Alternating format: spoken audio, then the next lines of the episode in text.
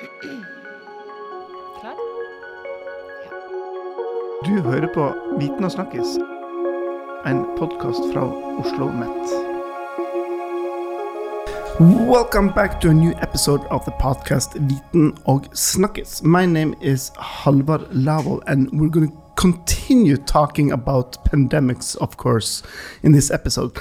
Last episode, we uh, had Jessica Dimka visiting, talking about her project at the, the PANSOC, the Center for Research on Pandemics and Society, which is led by Sven Erik Mamelund, also a visitor of our podcast. Today, we're gonna have we have two guests, two master students associated with the or visiting or what's the name?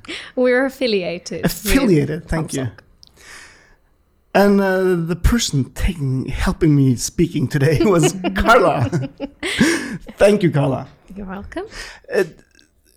What are you doing uh, at the PANSOC? So, uh, firstly, I'm here at Oslo Met studying uh, international social welfare and health policy, um, which then led very nicely to uh, my affiliation with PANSOC as well. Uh, I think most listeners would now hear that uh, you have a better English uh, than me. Where are you from? Uh, I come from the UK, of course. Um, Why Norway? oh, why not Norway? that seems to be the question everyone asks. yeah, we- why Norway? Everybody wonders. But then when you ask Norwegians, they say this is the best country in the world. So I wanted you to say that. so I think there's your answer. The um, this particular program here, the international social welfare and health policy, really um, was something that took great interest to me. And I'd visited Oslo many times before moving here, and really enjoy Norwegian culture and uh, and Oslo as a city. And so it just made perfect sense. The opportunity was there, and I seemed to fit into that category quite well. cool. Uh, we're going to get back to you, Carla. Uh, But first, we have to uh, introduce Lara too. Lara Steinmetz, welcome. Thank you. And you're also doing a master here with. yes, and also the same master as uh, Carla, so also international social welfare and health policy. Um, but uh, then I don't come from uh, the UK, I come from the Netherlands. and uh, yeah, we're both in our first year, both uh, affiliated students with uh, PANSOC. Was it your plan to do uh, write your master thesis on uh, pandemics? Well, um, I think the first day that we started our master's degree, they already started about the master thesis, and that was when I was just done with my bachelor thesis. So I wasn't ready for that to think of that even.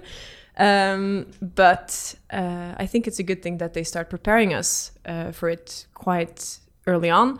And then, of course, there's so many interesting things happening now with the pandemic, and uh, we experience it firsthand, and you see it all around you. So it's a very attractive sub yeah or topic to write about i think now. So it was hard to choose something interesting not in that area to me almost. So uh, yeah.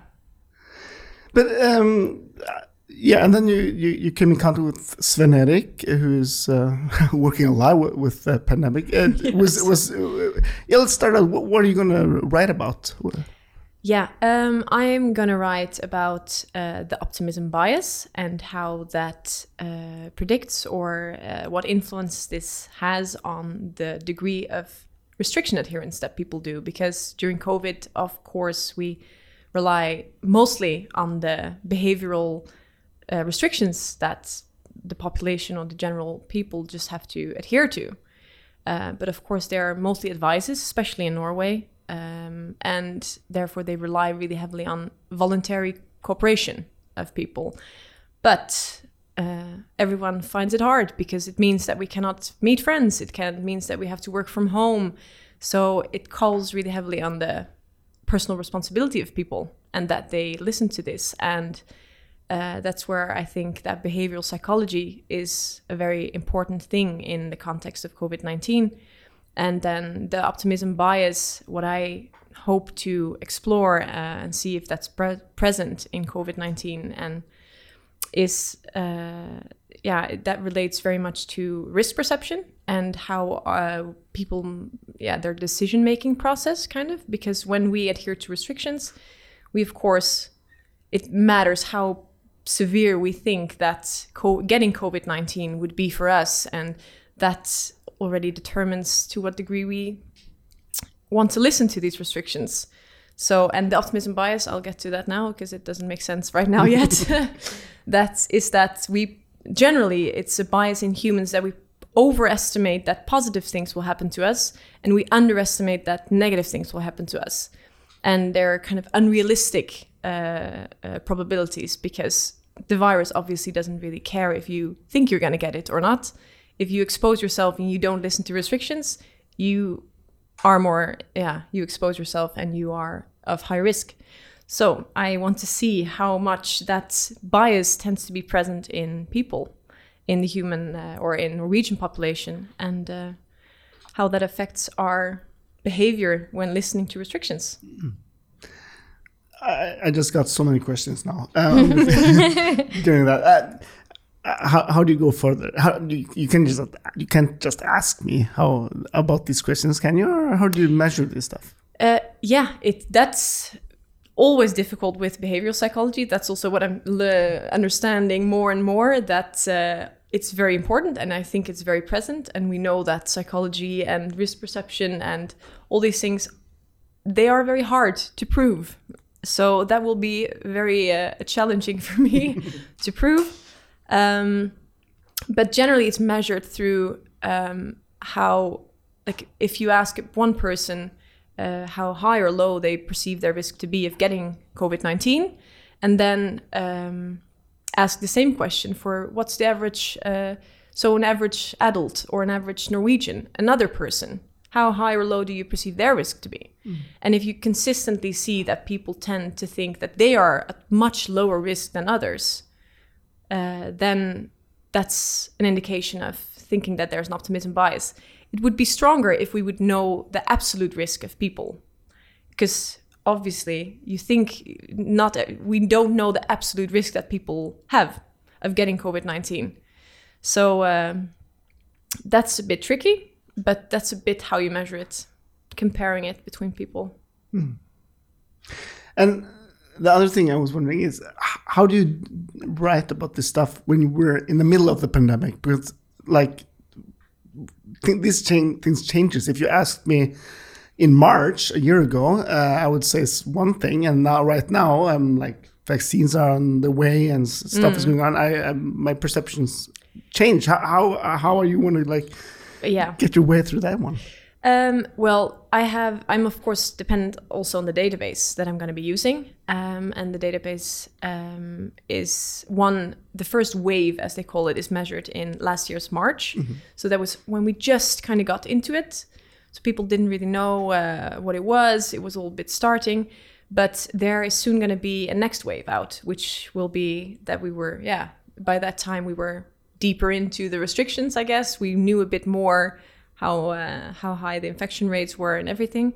So I think I will use that database uh, um, in my research later, because um, I think that by that time there were more restrictions. People were more annoyed by it already, possibly, um, maybe more scared, maybe more yeah, chill or laid back about it.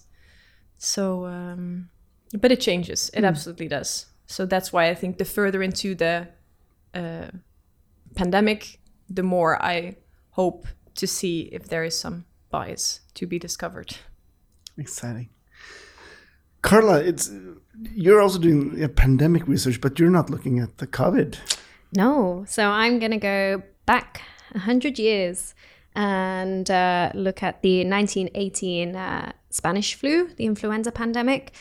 Um, I think, uh, like your conversation with Jessica um, in the last podcast, is we can often learn a lot about what is happening now based on previous experience. And so by looking back at the uh, previous pandemic, I can hopefully give some insight as to why things are happening the way that they are now. Um, more specifically, I'm going to be looking at the association between um, the 1918 flu pandemic and suicide rates in Norway during that time. So I'm going to look more closely between the years of 1910 and 1920 Um, that's my proposed dates at the moment as to where I'm going to look. Um, and the reason that Norway is such an interesting country to look at for this particular research is because Norway remained neutral during the First World War. So there is, you know, research at the moment regarding suicide rates during the 1918 flu pandemic, but in the US, for example, where they were affected by the World War, whereas here that wasn't the case. And so this should be the the first sort of research in this area. So it would be really interesting to see how it differs from other countries that weren't neutral during uh, during the 1918 flu pandemic. But how do you look into suicides 100 years back? Because like today we're talking about that we're more open and we talk, we can talk more about suicides and uh, but that was probably not the case 100 years ago. How do you know if something a death was flu, suicide, or whatever else? It's a really good question, um, and it's something that I'm uh, that I will be writing about. Is because suicides 100 years ago could have been determined by different factors. Um, you have to remember as well, there were many religious aspects where people, if they come from religious backgrounds, there may be an element of shame for a family member to have committed suicide. And so family members may not want their death to be recorded as a suicide. Um, also, this can be determined differently by law enforcement in comparison with uh, a post mortem, for example. Is there another cause of death that they can um, that they can list this down as rather than a suicide? So, in this particular research, I will have determined what I will uh, have as okay. This is what determines this as a suicide. Um, but at the moment, there are many different aspects that I need to consider mm. as to what is a suicide. Yeah, what defines a suicide? So, mm-hmm. yeah, it's a great question. Mm.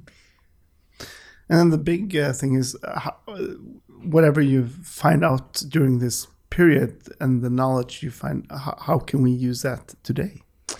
I think pandemic research at the moment any type of pandemic research is useful because we're living through it right now.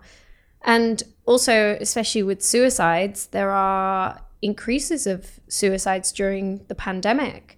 And so, being able to look at the previous pandemic, what were the influential factors? Was it reduction in or increase in alcohol consumption? You know, did the number of medical professionals in that particular area mean that people were more supported and so they were therefore less likely to uh, you know with things like um, uh, restrictions that are going on at the moment that means that there are some reductions in social integration. And so if people aren't integrated in society they're they're more psychologically uh, affected by that. And so if we can look at the new restrictions that we're making uh, in the current pandemic, is there a way that we can make it um, more comforting to those who are perhaps feeling quite lonely at this time? Mm.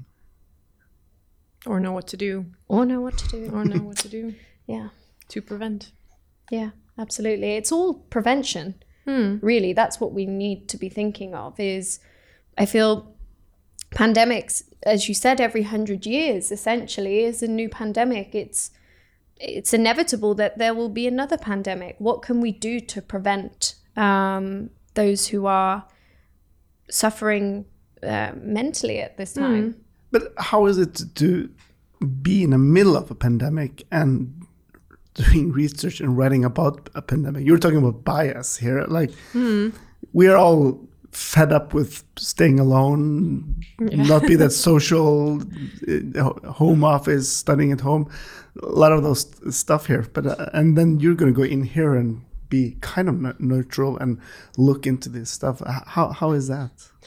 I think it's a, a, almost a good thing that we're in the middle of it because it makes you engaged.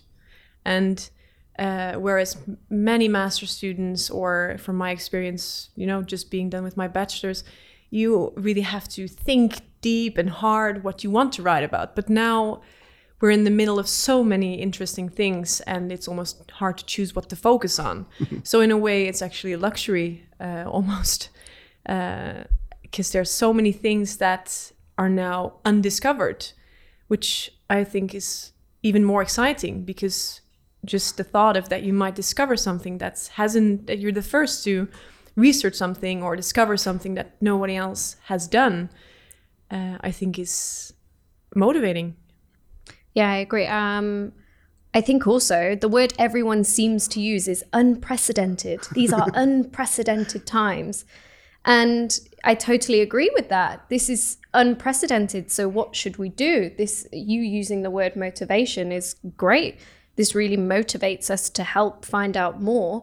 But also we live in this age of technology and again looking back 100 years ago to the 1918 flu pandemic, I couldn't FaceTime with my mum in the UK and say, hey, oh yeah, Norway's uh, maybe going to open restaurants next week. Who knows? You know, it's I would write her a letter and then find out what's happening in other countries. Um, but also, then it's interesting if with travel restrictions now, travel again, 100 years ago, how much did that impact the spread of the virus? Nowadays, people are traveling three, four times a day to go to meetings and mm. all hmm. these things. But then on the other hand, I think it's interesting to see how many people have realized, huh, maybe that meeting could have been an email. Mm. You know, it's this, we could have done this via Zoom. You know, I think all what, of our studies has been online. Absolutely. And so I think what will happen next is most interesting mm. to me.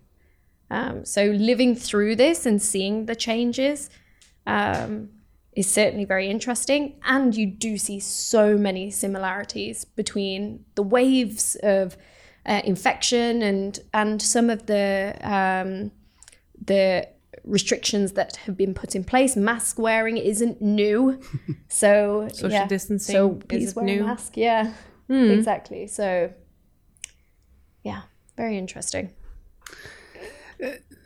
as we started with, you're now uh, working with the PANSOC, which is then the Center for Research on Pandemics and Society.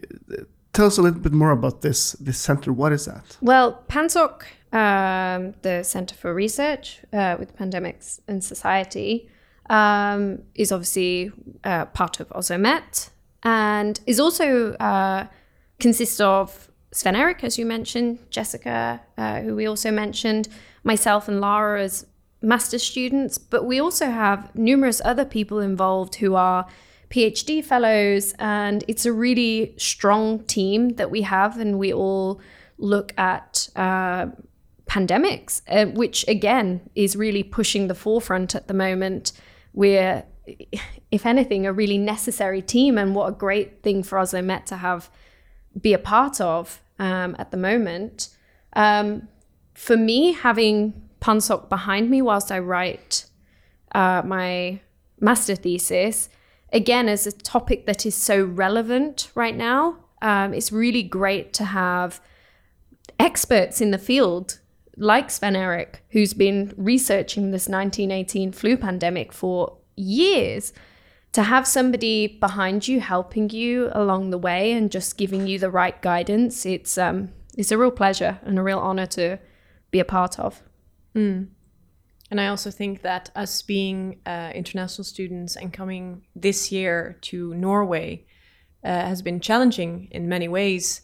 But I think both Carl and me uh, kind of set set our minds on uh, our studies and really trying to, uh, yeah, do that the best as we could during this time. And then ending up with uh, this research center is for us a way to distinguish ourselves, I think, uh, professionally and uh, both getting deeper into certain interests that otherwise, or yeah, I just see it as a really nice chance um, and a nice reward in a way as well for uh, what we're all been affected with, of course, during this. Yeah, mm. it was a hard year. It is yeah. a hard year, but in many ways, such a nice and interesting year as well. Yeah. So uh, without the pandemic, we wouldn't be with PANSOC, and we wouldn't be in Norway, and Yeah, I agree. Yeah, I think also another interesting thing uh, about the rewarding aspect of it is we attend uh, seminars with PANSOC every week, and we get to attend these seminars with not just experts in our team at PANSOC, but people from all around the world. There's people from the US, people from India, there's people from Russia, uh, there's currently some of our own uh, members of PANSOC in Greece or Germany, and there's also people from Sweden. It's just such a global uh, team that we we get to sit and watch these uh, seminars with the experts of pandemics around the world.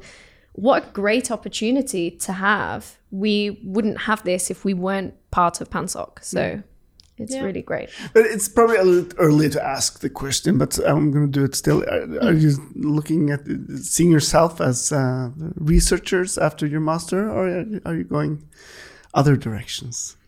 Well, I think that's both such an exciting and scary thought. Where like I, I don't I don't dare to open that door completely and to you know really let myself think that because let's be honest, we're almost at the end of our first year of our master's Yeah. degree, uh, uh, so it's all going so fast, but.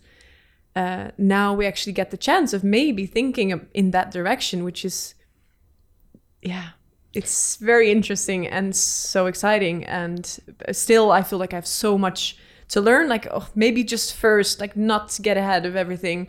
Do your master thesis first and then see where it gets you. But Yeah. there definitely with this affiliation with PANSOC it's just nice because the there i feel like there are so many doors opening and the master you do get so much more depth uh, with this affiliation. So you actually are forced to take your thesis very seriously and your further career thoughts and plans which yeah took a an exciting and even more interesting turn so i'm very excited of uh, what's to come Yeah, I feel similarly. Um, I definitely would love to stay in Norway and take a PhD.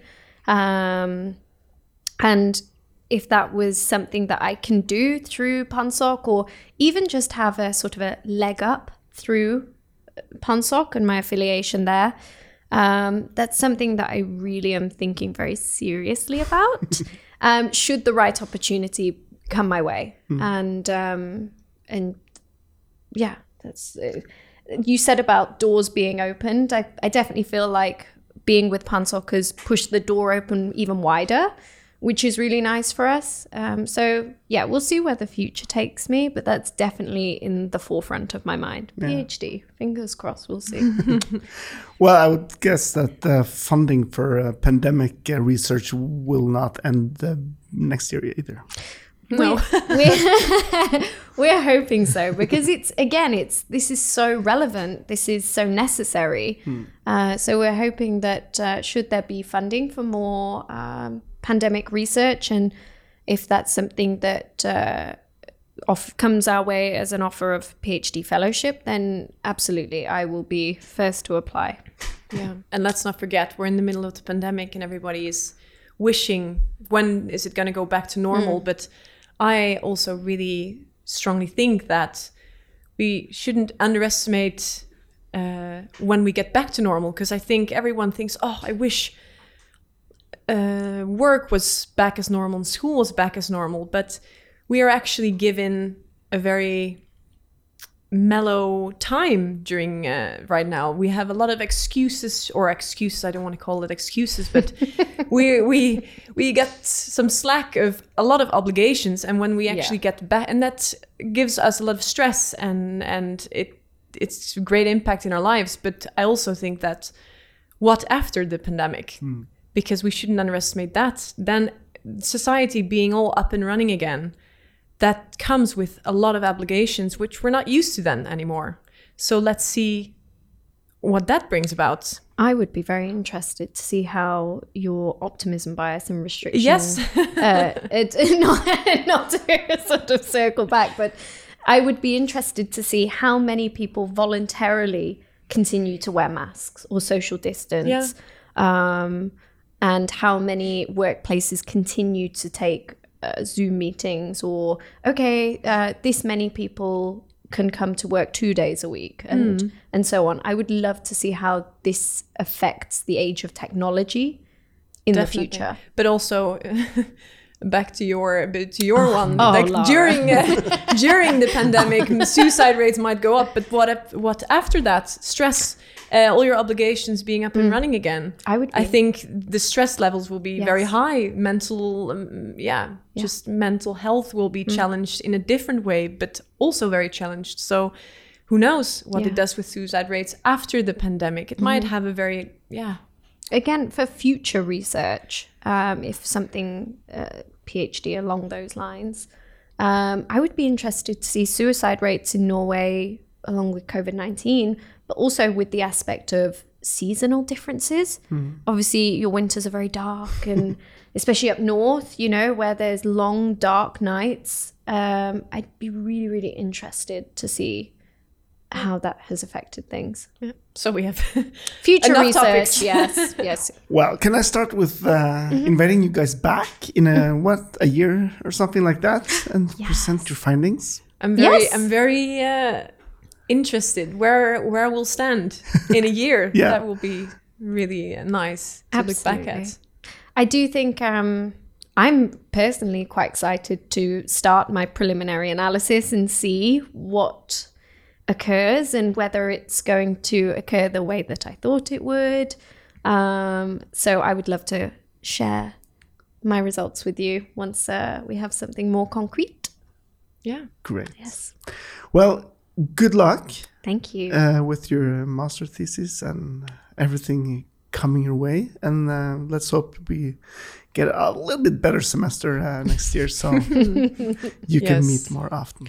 Yes. thank you. Thank you, Halvor, for having us. Thank you for coming, and for our listeners, if you're int- more interested in in this topic here, uh, please go to our show notes. I will uh, link up to uh, PanSoc and everything going on there. And uh, if you go to their webpage, you will also find information of all the webinars or uh, things going on there. So go there, and um, stay tuned. New episodes will be arriving in your podcast app soon. So remember to subscribe. Bye bye.